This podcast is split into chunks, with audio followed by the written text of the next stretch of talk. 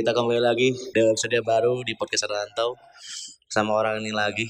Sebenarnya sih rekan kerja gua baru lagi. Tapi sebelumnya introduce dulu ya. Nama lu siapa, umur lu berapa, dan kesibukan lu sekarang lagi lagi ngapain sok? Halo, nama gue Asma, umur gue mesti buat disebutin. Kenapa sih pasangan kalau saya cewek nyebutin umur malu-malu banget dah. Enggak lu doang, hei. Enggak lu doang. Kenapa? 20 sekian lah pokoknya. Lah, buset. Kenapa emangnya takut pinjol datang apa gimana? Coba coy. Ya udah 28 tahun, kesibukan gue kerja aja sih. Hmm, Uang yang banyak buat jajan. buat jajan, buat jajan atau buat buat nikah nih, beda loh. ya, dua-duanya lah. Oke. Jadi ini gue masukin lu ke episode langsung yang podcast Rantau sama anak podcast. Jadi kalau saya kalian gua udah pernah ngajakin lagi dua orang yang sebelumnya sama rekan kerja gua yaitu si Gitri sama si Windy sama tuh lagi. Jadi ini gua tahu lu kemarin pas kuliah kan ngerantau. Iya. Coba ceritain dong uh, gimana prosesnya Proses gimana gue Ya maksudnya dalam artian lu ke sana pakai jalur apa, gimana prosesnya, terus kuliah di mana, jurusan apa, tahun berapa. Oke. Eh, sebenarnya tuh waktu gue SMA sama sekali nggak pernah nggak ada pemikiran buat ngerantau jauh banget ya. Yang gue pikirin tuh gue pengennya di Jawa Barat aja gitu kan. Nah, cuman tuh waktu itu kan eh, SNMPTN ya, ada jalur SNMPTN dan karena kebetulan di sekolah itu gue anak baru, jadi gue nggak dapat kesempatan untuk yang SNMPTN. Terus di SBMPTN juga gue nggak lolos.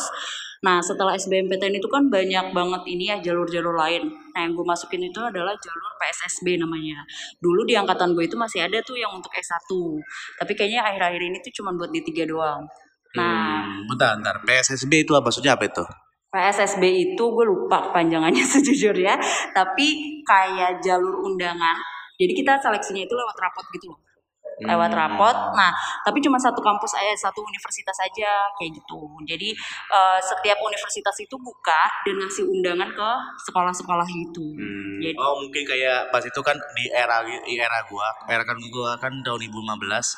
Jadi ada saudara gua itu masuk ke UI jalur apa hitungannya? Jalur khususnya gitu lah, jalur khusus untuk masuk ke UI-nya.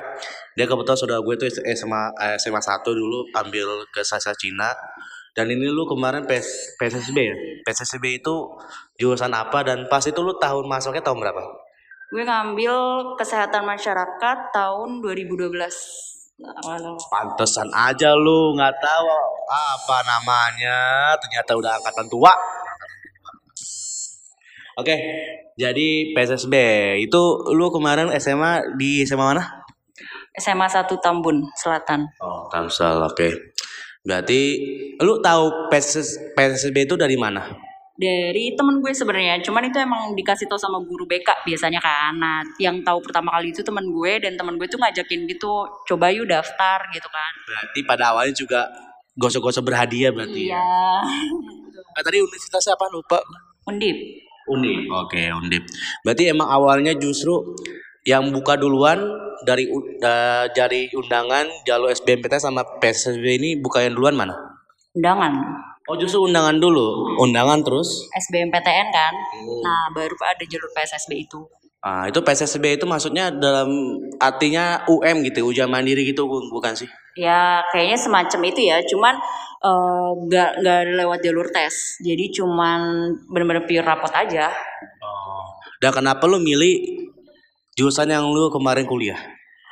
Ah, karena karena nyokap sih ibu gue karena awalnya tuh gue disuruhnya kedokteran. Cuman kalau untuk kedokteran kayaknya gue nggak nggak lah gitu kan. Terus eh, kebetulan temennya ibu gue itu ada yang jurusannya tuh kesmas. Dan temennya itu nyaranin gue untuk ya udah masuk aja ke kesehatan masyarakat. Walaupun sebenarnya gue nggak tahu sih waktu itu tuh apa kan.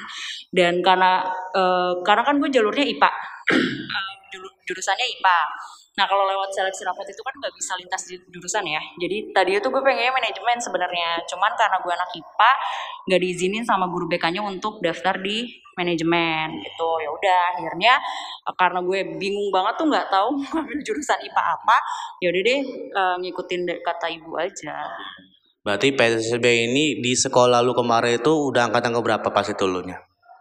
kayaknya baru angkatan pertama deh karena yang sebelum-sebelumnya itu D3 biasanya ya Hmm. biasanya tuh D3 PSSB-nya cuman pas di angkatan gue itu kebetulan ada S1 gitu Oh. kayak IPB juga kalau nggak salah waktu itu tuh buka tapi khusus D3 aja dan nggak semua jurusan Oh, gue kira justru emang dari awalnya emang kayak jurusan yang lo inginkan itu loh ternyata ada ada referensi lain kan gitu. Berarti emang lo prefernya jurusan atau perguruan tingginya pas kemarin itu? Gue nggak tahu ya SMA tuh gue bener-bener nggak tahu mau masuk apa dan gue bakalan jadi apa Jadi kayak apa pun orang yang ngusulin ke gue kayak kayaknya lo pantas di sini deh kayak gitu-gitu ya udah gitu yang penting Enggak, sekarang gini pas dulu, pas dulu lu cita-citanya apa? Cita-citanya apa? cita-citanya tuh waktu gue kecil ya gue tuh pengen jadi guru tapi entah kenapa pas gue ya SMA itu gue ngerasa kayak kayaknya enggak kalau gue jadi guru enggak gitu kan. Terus gue pengen masuk manajemen pokoknya pengen pengen punya bisnis sih waktu itu pemikirannya gitu. Cuman karena ya itu karena gue anak IPA jadi kan kalau misalkan lewat jalur undangan kayak gitu kan nggak bisa ya buat ngambil IPS jadi bener-bener ngeblank banget apa ya jurusan IPA yang pengen gue masukin? Nggak ada kayaknya deh Oke, jadi pada pada intinya lu udah pakai jalur PSSB dan itu dinyatakan lulus. Respon orang tua lu akhirnya dinyatakan lu harus merantau ke Undip, gimana responnya?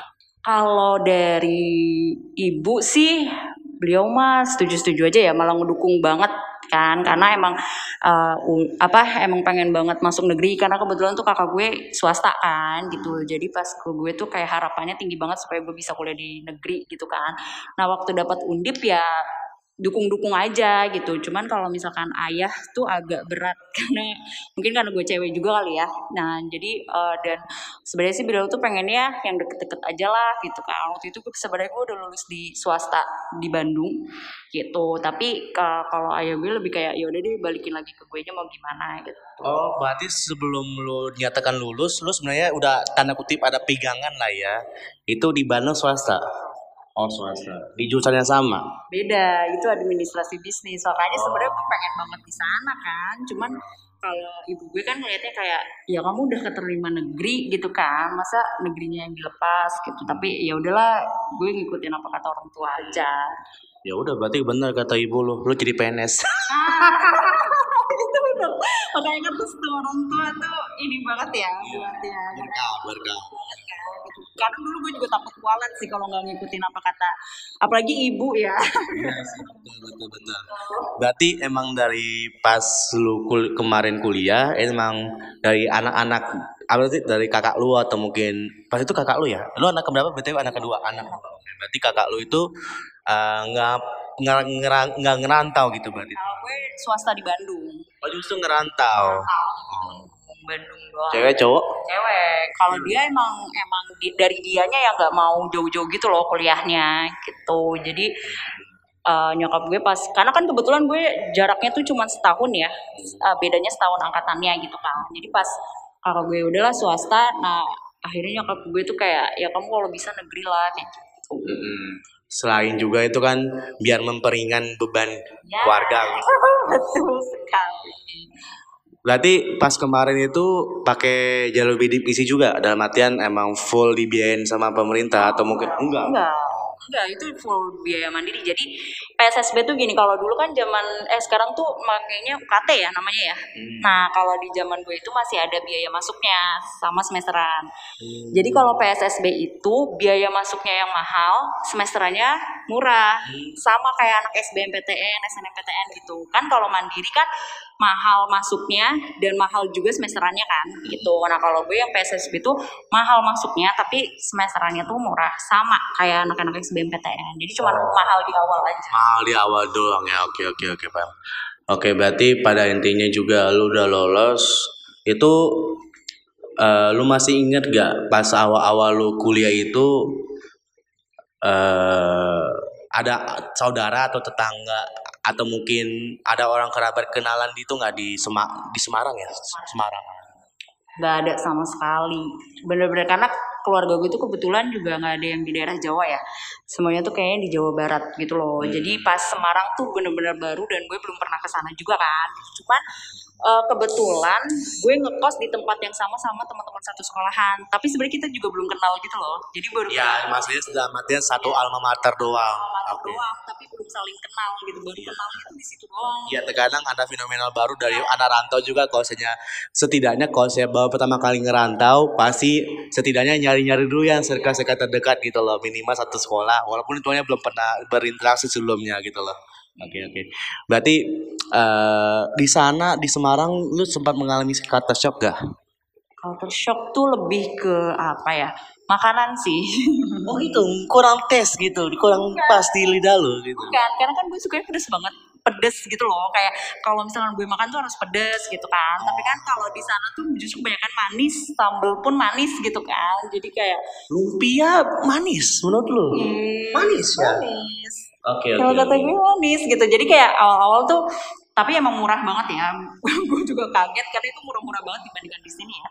Di Bekasi kira di sana tuh murah-murah banget gitu. Cuman kalau untuk rasa sih nggak masalah sih sebenarnya ya. Cuman itu aja. Gue susah banget nemuin makanan pedes waktu itu awal-awal.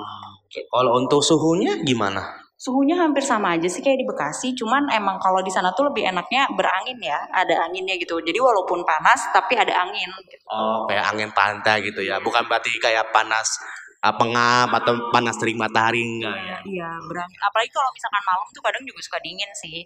Cuman nggak yang sampai dingin banget. Nah, perkiraan pas lu kemarin ngerantau walaupun hitungannya udah 10 tahun yang lalu udah termasuk cita jebot lah itu. Itu menurut lu berapa suhunya? Dikira-kira berapa? Aku nggak tahu tuh. Emang nggak pedulin berarti ya gitu ya. Oke. Nah, terus untuk suhu, untuk yang kulturnya di sana gimana? Kulturnya sa- hampir sama aja sih kayaknya ya. Cuman ya mungkin bahasa ya. Cuman beda di bahasa aja bahas. Dan gue yang bener-bener gue nggak ngerti sama sekali gitu loh bahasa Jawa tuh. Tapi sebenarnya lu asli mana sih teh? Sunda, Sumedang. Oh Sumedang. Oh pas banget pakai teh teh oke aman. Aman aman aman aman. Makanya jadi ngah ngah. Biasanya kalau kayak gitu gitu ada ada ngah ngah juga gitu ya. Oke. Oke berarti nggak ngerti sama sekali. Ngapak apa pun Sama sekali nggak ngerti. sama. Berarti itu kayak lu kuliah 4 tahun atau lebih? 4 tahun. 4 tahun. Nah berarti selama 4 tahun lu udah atau mungkin lu bisa bahasa Jawa apa aja? Enggak. Nggak sama sekali. sekali karena di sana tuh justru teman-teman gue yang ngikutin bahasa gue gitu loh jadi kayak gue juga nyeselnya itu sih kenapa gue nggak belajar bahasa Jawa ya gitu kan cuman ya itu karena kalau sama teman-teman tuh ngobrolnya kita pakai bahasa Indonesia biasa aja gitu cuman kalau mereka biasanya kalau ketemu sama orang yang yang bisa bahasa Jawa juga ngomongnya pakai bahasa Jawa Nah, itu mungkin ada beberapa orang yang emang beradaptasi untuk ke tempat rantaunya setidaknya buat berinteraksi sama orang-orang lokal dan lu tidak memutuskan untuk tidak melakukan hal tersebut. Oke, nggak apa-apa. Dan terkadang ada fenomena-fenomena tersebut berarti ya. Oke. mau tetap berteman sama orang Iya, maksudnya dalam artian lu tidak berkomunikasi dengan tempat asal rantau lu kemarin gitu loh. Teh. Kayak empat tahun di Jawa masa nggak bisa sih ngomong Nah, terkadang ada juga gitu. Iya bener nggak bisa. Nah, maksudnya setidaknya kan gue kemarin kan gue kuliah 4 tahun nih. Gue kuliah 4 tahun di Bandung. Setidaknya ada ngapa-ngapa sedikit lah, nggak terlalu fluence-fluence-nya gitu loh. Setidaknya kalau saya lu ngomong bahasa Jawa, kalau ngebahasa Sunda ke gue, setidaknya gue paham. Untuk ngebalasinnya itu susah gitu maksud gue. Sama sekali gue nggak ngerti Hmm. Berarti kemarin pas lu masuk ke sana untuk perjalanannya itu gimana? Lu biasanya kalau saya buat balik bolak-balik ke Bekasi atau Tambun lah, Tambun ke Semarang itu pakai apa? Travel kah atau mungkin? kereta kereta gue lebih senang kereta sebenarnya waktu itu awal-awal pernah naik bis cuman bikin gue kapok adalah macetnya itu loh jadi waktu itu gue balik eh, karena mendadak tiket kereta kan habis. Jadi ya udah akhirnya tuh gue naik bis dan karena gue sendirian naik bis dan itu macet banget hampir tiga eh 13 jam lebih itu di jalan. Jadi gue kayak aduh kapok banget deh naik bis jadi nggak pernah mau lagi gitu. Kalau misalkan naik pesawat nah itu juga gue pernah bermasalah naik pesawat waktu gue apa sih namanya pendaftaran ulang ya. Kan di Semarang tuh gue pulang pergi jadi nggak nginep di Semarang pas gue daftar ulang. Wih keren banget. Pulang pergi. Coy, terus pas gue naik pesawat mungkin kan tekanan udaranya beda ya jadi kuping gue tuh langsung hmm gitu balik balik ke Bekasi tuh langsung kayak pengang banget kupingnya gitu dan sempat kan gue ke dokter terus sempat dibilang jangan naik pesawat dulu satu tahun waktu itu Satu tahun dong. Ya masalahnya lu emang ada riwayat THT yang bermasalah apa mungkin dari keluarga lu gitu? nggak ada nggak ada karena waktu itu gue lagi sakit pas naik pesawat itu Oh. lagi flu kan. Pantesan ya berpengaruh juga ya berarti. Iya itu jadi karena dan di Semarang itu kan kalau naik pesawat kan deket banget ya jaraknya Mas itu perjalanan lu dari Semarang ke Suta berapa lama? Semarang ke Suta kayaknya nggak nyampe sejam deh ya Lu Suta atau Halim nih? waktu itu Halim kan belum ada Oh gitu. Satu jam kan? Oh, satu jam. Udah satu jam deh pesawatnya Hmm. Gitu jadi tekanan udaranya kan perubahannya cepat banget ya dan ditambah lagi kondisi gue lagi juga lagi gak fit waktu itu Kalau saya bus tadi kan lu bilang 13 jam, naik pesawat satu jam, kurang lah gitu. Kalau naik kereta? kereta tuh kalau nggak salah 8 sampai 10 jam kalau eksekutif biasanya lebih cepat ya sampai sampai 10 Hmm. jam Berarti pas lu selama empat tahun kemarin ngerantau, itu lu uh, bisa dihitung dengan jari nggak? Lu berapa kali balik? Oh biasanya sih semester satu semester sekali ya Oh gitu. Oh iya oke. gue karena capek di jalan sih sebenarnya Termasuk lumayan sering berarti kalau sih kayak gitu loh teh.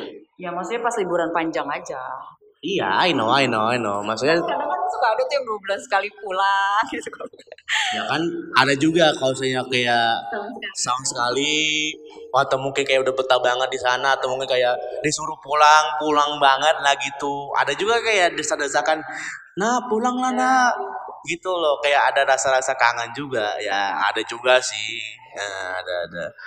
Oke berarti kalau saya untuk tentang di sana aman berarti ya kayak kartu shock dari suhu kultur budaya gimana? Bahasa-bahasa Jawa tadi kan sudah sebutin Jawa-Jawanya emang lu nggak bisa ngepahamin berarti ya. Bahasa-bahasa Jawa Surab Surabaya jancuk gitu? Oh enggak. Kalau Semarang mah enggak Jancuk. Jancuk itu Surabaya kayaknya. Iya maksud gitu. Setidaknya kalau untuk Semarang kan bahasa-bahasa Jawa halus gitu. Iya. nah kalau saya untuk Surabaya kan bahasa-bahasa kasar gitu ya, kayak jancuk cuk gitu. Iya ya paham. Soalnya gini, gua kan kemarin pasti season lalu kan gua udah ngajak juga temen gua. Dia itu temen gua itu kuliah kemarin di UNES. Dekatnya sama lu kan? Nah, jadi Semarang juga. Maksudnya dalam artian kalau saya kemarin dia ngeceritain pengalaman dia emang jalur SBMPTN. Jadi emang setidaknya satu kota. Tapi untuk uh, alur untuk pendaftarannya, wah alur untuk mendapatkan kuliah tersebut kan beda gitu loh. Lu kan versi jebotnya. Iyalah, lu tiga beda tiga tahun loh. Lu tahun 2012 masuk kan? Gue 2015. Beda tiga tahun. Walaupun hitungannya podcast ini masih update-update di akan dirilis, tapi mohon maaf sebelumnya ini cerita-cerita cerita orang-orang jebot karena untuk pengalaman pengalaman-pengalaman rantau terkadang ada juga susah loh buat di open open gitu loh teh. Ah, ah. Gitu. Terus, tunggu bentar nih gue kayak harus gue harus ngapalin dulu nih. Bentar, bentar gue belum apa. bentar, bentar. Tadi mana sih bang Jalu? Lu um, belum balik sampai jam berapa teh? Lu mau balik jam sampai jam berapa? Oh Solo ya, oke. Nah, pas lu kemarin ngerantau, lu pernah mengalami fase tanggal tua nggak? Fase tanggal tua.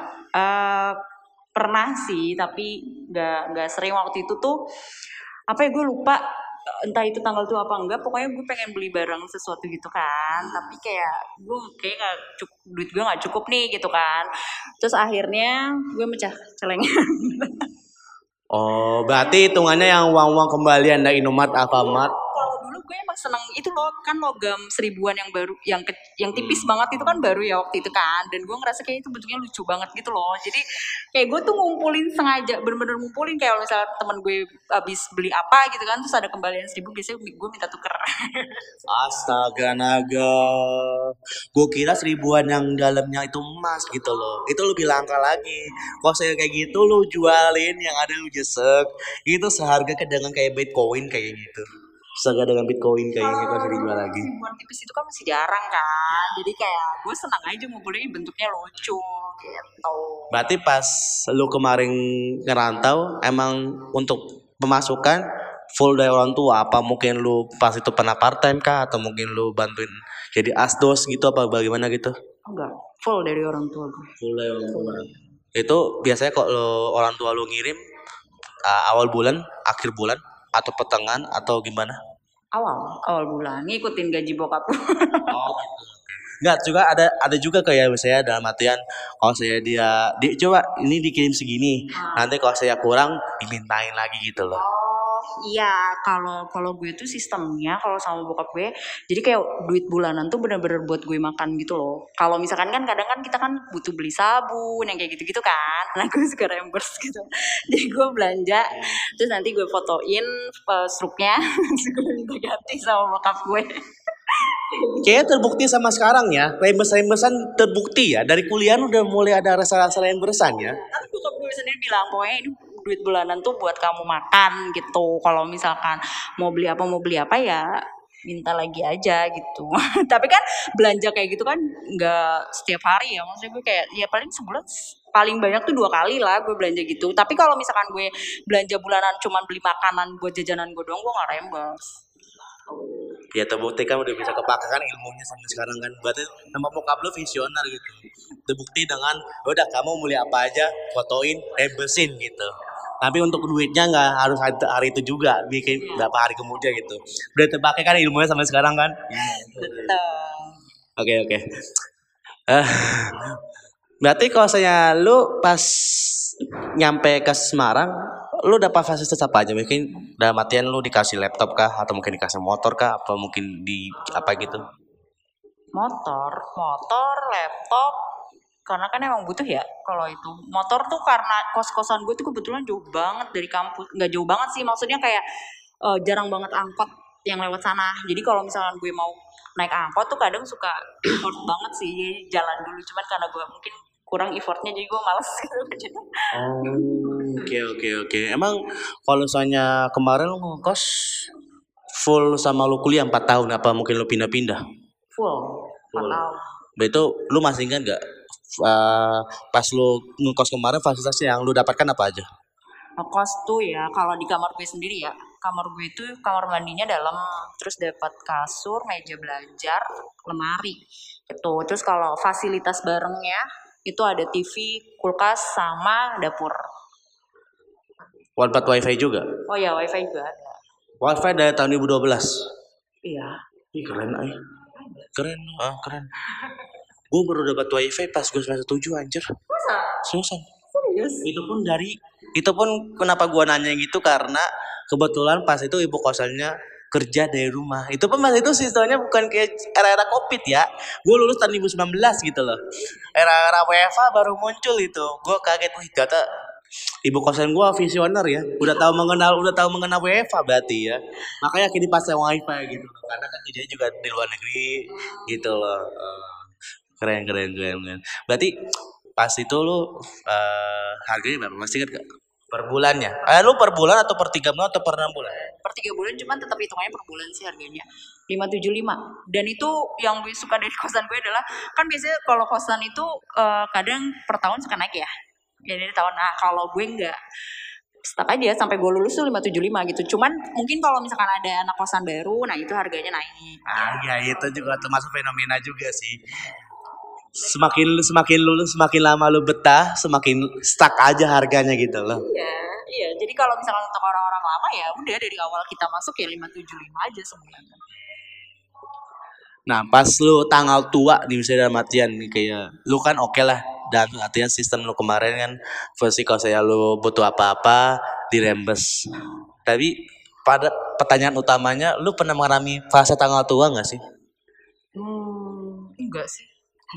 Karena gue ini, gue orangnya eh, suka ini loh kayak diajarin gue sih sama nyokap gue kayak kalau misalkan ini ya hitung-hitungan dulu gitu. Kayak misalkan nih sebulan ini gue bakalan dapat berapa, udah gue plot-plotin gitu loh duitnya gitu. Dan gue pun jarang eh, apa namanya kayak ngehedon gitu. Maksudnya makan di tempat-tempat yang gimana gitu kan. Yang sekali makan tuh bisa berapa ratus ribu gitu. Gue jarang sih. Ya udah makan makanan jajan-jajan biasa aja Kalau saya buat ngafe gitu, Iya. nge apa tuh nongkrong di kafe gitu. Iya nongkrong, cuman gak yang ham, ya nggak setiap hari gitu loh. Kayak ya udah semut gue aja. Tuh dan gue juga punya teman-teman yang nggak terlalu suka menghedon juga ya. Jadi kayak ya udah.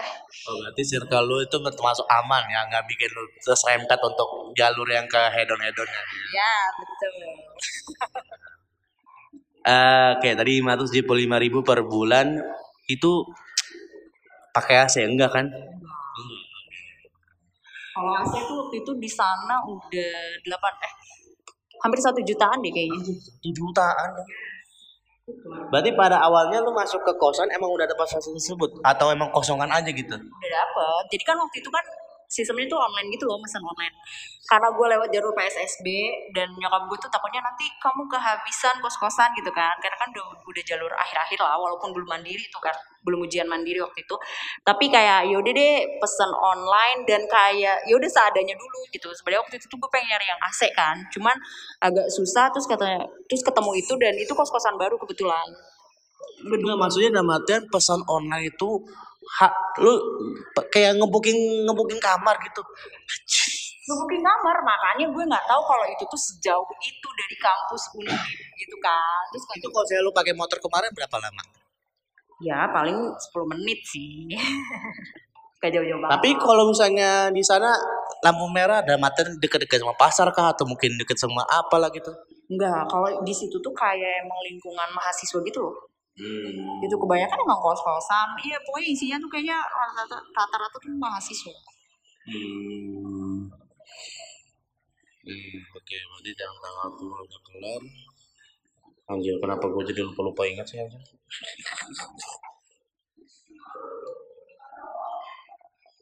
Oh iya, oke. Tadi kan lu sempat bilang kan lu nggak terlalu suka hedon. Tapi lu pernah nggak ke pas lu kemarin ngerantau di Semarang 4 tahun, lu pernah ke mana aja? Ke mana aja? Hmm, banyak sih. Eh, nggak banyak-banyak banget sih kayaknya. Ke mana ya? Kampung Cina, aduh gue lupa namanya Sampokong ya. Sampokong, terus habis itu ke Umbul, terus ke gue biasanya ini sih lebih ke tempat makan sih. Kayak misalkan teman gue bilang eh di sini tuh enak loh di sini bagus kayak gitu-gitu ya udah gue ke sana gitu. Kalau Lawang Sewu aja gue nggak pernah loh selama kuliah ya. Karena teman-teman gue nggak ada yang mau ke Lawang Sewu. Berarti pada intinya kalau saya lu diajak koi harus ada temen dulu ya. gue nggak gue nggak bukan orang yang bisa untuk jalan-jalan sendiri. Gitu. Minimal satu orang lah atau minimal berapa, berapa orang? Satu orang. Minimal satu orang. Kayak kalau misalkan gue ini- dan nggak tahu ya dulu tuh gue kayaknya di Semarang juga nggak banyak tempat-tempat yang bisa kita kunjungin gitu loh. Kayak wisata-wisata yang ya beda mungkin kayak di Jogja kan banyak banget ya. Tapi kalau Semarang kayaknya nggak terlalu jadi gue lebih kayak ke mall paling. Tapi kayaknya paling susah untuk dapat wisatan itu Surabaya loh. oh iya? Makan malam Iya maksudnya untuk Surabaya doang gitu maksud gua kalau saya dekatnya ya bisa nyampir ke Malang gitu loh. Untuk Surabaya justru kan gue pernah ngajak kolaborasi sama teman gua dia gawe di Surabaya. Dia sampai bingungan dia mau nyari apaan aja nih teman-teman di wisata di sana. Tatanya di mall aja dia jalan-jalan. iya sama gue juga di Semarang tuh kayak apa ya paling waktu itu yang terkenal kayak umbul eh terus ya itu sampokong. Sampokong juga ya udah kayak inian Cina-Cina gitu kan. Kayak gitu-gitu. Terus waktu itu oh gue pernah datang ke festival apa sih lampion gitu loh. Festival lampion dan itu eh, waktu itu rame banget sampai gue parkir motornya tuh jauh dari tempatnya. Terus akhirnya gue ke sananya jalan kaki. Jalan kaki aja tuh stuck penuhnya dan penuhnya terus gue kayak kapok gitu loh kayak karena gue nggak terlalu suka keramaian yang sampai kayak gitu banget ya karena gue kadang suka pusing gitu kan gitu jadi kayak kayaknya cukup sekali deh gue datang acara kayak gitu Oh, per- lu pernah? Pasti tuh ada matan lu di dalam kerumunan tiba-tiba pingsan gitu pernah? alhamdulillah nggak pernah cuman nggak suka aja kadang gue suka kalau terlalu ramai banget ya gitu. Hmm, minimal lu nggak terlalu yang ke keramaian itu apa tingkatnya? Atau mungkin lu ke konser atau mungkin gimana gitu? Ah ke konser tuh waktu itu tuh gue baru ke konser tuh waktu kuliah. Karena waktu SMA itu nyokap gue kan agak ini banget ya. Karena agak strict kali ya. Kalau saya pulang malam-malam bagi cewek gitu ya. Dan kalau konser tuh bayangin nyokap gue kan rame banget ya kayak gitu-gitu kan. Jadi gue nggak pernah tuh pensi-pensi yang anak-anak sekolahan kayak gitu gue nggak pernah datang nah waktu gue kuliah itu ada ada pensi kan ya terus gue kayak ah pengen deh gitu kan nyobain. Terus waktu itu datang lah gue sama teman-teman gue terus eh, barisannya lumayan paling depan kan. Ya, nah, ah itu sumpah itu gue kayak kayak nggak bisa nafas gitu loh. Gak tau ya itu em, kayak pikiran gue doang. Cuman gue sampai jinjit karena kan gue gak terlalu tinggi ya. Di sekitar gue ada orang-orang gitu gitu. Gue tuh sampai kayak jinjit gitu dan gue kayak baru satu band waktu itu kan ada dua band ya. Baru satu band akhirnya gue mundur ke belakang. Gue udah gak kuat ya gue di belakang aja gue nonton. Tapi pas itu pensinya lu bayar atau gratis emang? bayar. Makanya teman-teman gue tuh kayak ayo as maju-maju. Enggak di kalian aja gue di sini aja gitu kan. Cuman nah, untungnya ada teman gue juga yang nggak bisa. Ini ya udah kita berdua aja di belakang teman-teman gue mah di depan. Pas lu kemarin ngerantau, pernah sakit nggak? pernah. Sakit terparah gue tuh waktu itu. Nggak tahu ya dokternya sih bilang kalau gue kena inian apa sih lambung deh radang-radang usus kalau nggak salah ya pokoknya Kenapa bisa lu makan mie mulu apa gimana? Gak tahu, malah gue ngiranya itu gue cuman kayak masuk angin biasa gitu loh. Karena gue inget banget pertama gue sakit itu gue habis makan di eh, waktu itu di sebutin nggak? Sebenarnya. Enggak restoran lah gitu. Restoran lah gitu. Dan emang itu malam-malam, malam-malam, malam-malam gue naik motor kan, gue yang bawa motornya. Makan apa pas itu lu? Eh, ayam, ayam goreng gitu. biasa. Oke, oke. aja gitu. Cuman entah kebanyakan apa gimana gitu kan. Terus pas gue pulang itu karena gue nggak eh, salahnya juga gue nggak pakai jaket waktu itu. Terus akhirnya gue ini kan pulang malamnya tuh kayak mun- kayak muntah-muntah gitu loh. Terus eh, apa gue bilang sama teman gue kan kok badan gue nggak enak banget ya. Terus dikerokin tuh waktu itu sama dia gitu kan. Eh akhirnya malah jadi diare. Jadi kayak diare, muntah, iya itu badan gue sampai lemes banget kan akhirnya karena gue gak kuat ya udah akhirnya gue ke rumah sakit. Terus kata dokternya bilangnya itu sampai gue disuntik. Katanya kalau misalkan karena gue nggak nggak masuk makan kan. Setiap kali makan keluar makan keluar kayak gitu. Jadi ya udah suntik akhirnya disuntik. Langsung Lu cuma curiga nggak? Itu bisa jadi keracunan makanan. enggak sih karena itu restoran yang kalau menurut gue bersih sih gitu kan. Bukan yang gimana gimana banget gitu. Atau mungkin sebelumnya lu pernah dapat riwayat alergi makanan gitu? Nah itu gue nggak tahu ya, mungkin reaksinya ke belakangan apa gimana. Tapi gue nggak nggak curiga ke arah sana sih karena gue punya mah juga, gue punya mah. Punya penyakit mah tuh. Kena kenapa? Sering minum kopi atau minum kafein atau minum teh? Eh, awalnya karena dulu waktu SMA tuh gue pernah diet. Salah banget sih karena gue merasa gue udah gede banget kan badannya terus gue pengen diet cepet ya biasa lah ya anak-anak anak SMA gitu kan. Terus tiba-tiba kayak gue nggak makan tuh seminggu. Gue makan. Bener-bener pure gak makan. cuma makan kue biskuit biskuit gitu doang loh. Gak makan udah tuh dari situ gue kena. Apa mungkin lu sering nonton Korea terus ikutin pola-pola dietnya mereka gitu kali apa gimana gitu? kayaknya iya deh tapi nggak tahu ya pokoknya gue menyimpulkan kalau gue mau kurus berarti gue nggak usah makan lagi gitu kan. Jadi gue cuma makan kue biskuit biskuit doang. Biskuit udah. Dan sampai akhirnya gue kayak oh perut gue nggak enak banget perih segala macem kan. Oh ya udah akhirnya pas gue ini wah ini mama kata dokternya gitu. Dan dari situ tuh gue jadi punya mah dulunya tuh gue nggak nggak ada kan gitu. Dan Maksudnya mandulnya nggak ada maksudnya apa tuh? eh enggak, dulunya gue nggak nggak nggak ada mah gitu. Maksudnya aman-aman aja perut gue gitu kan. Cuma semenjak itu nggak nggak ini. Dan gue suka kopi juga.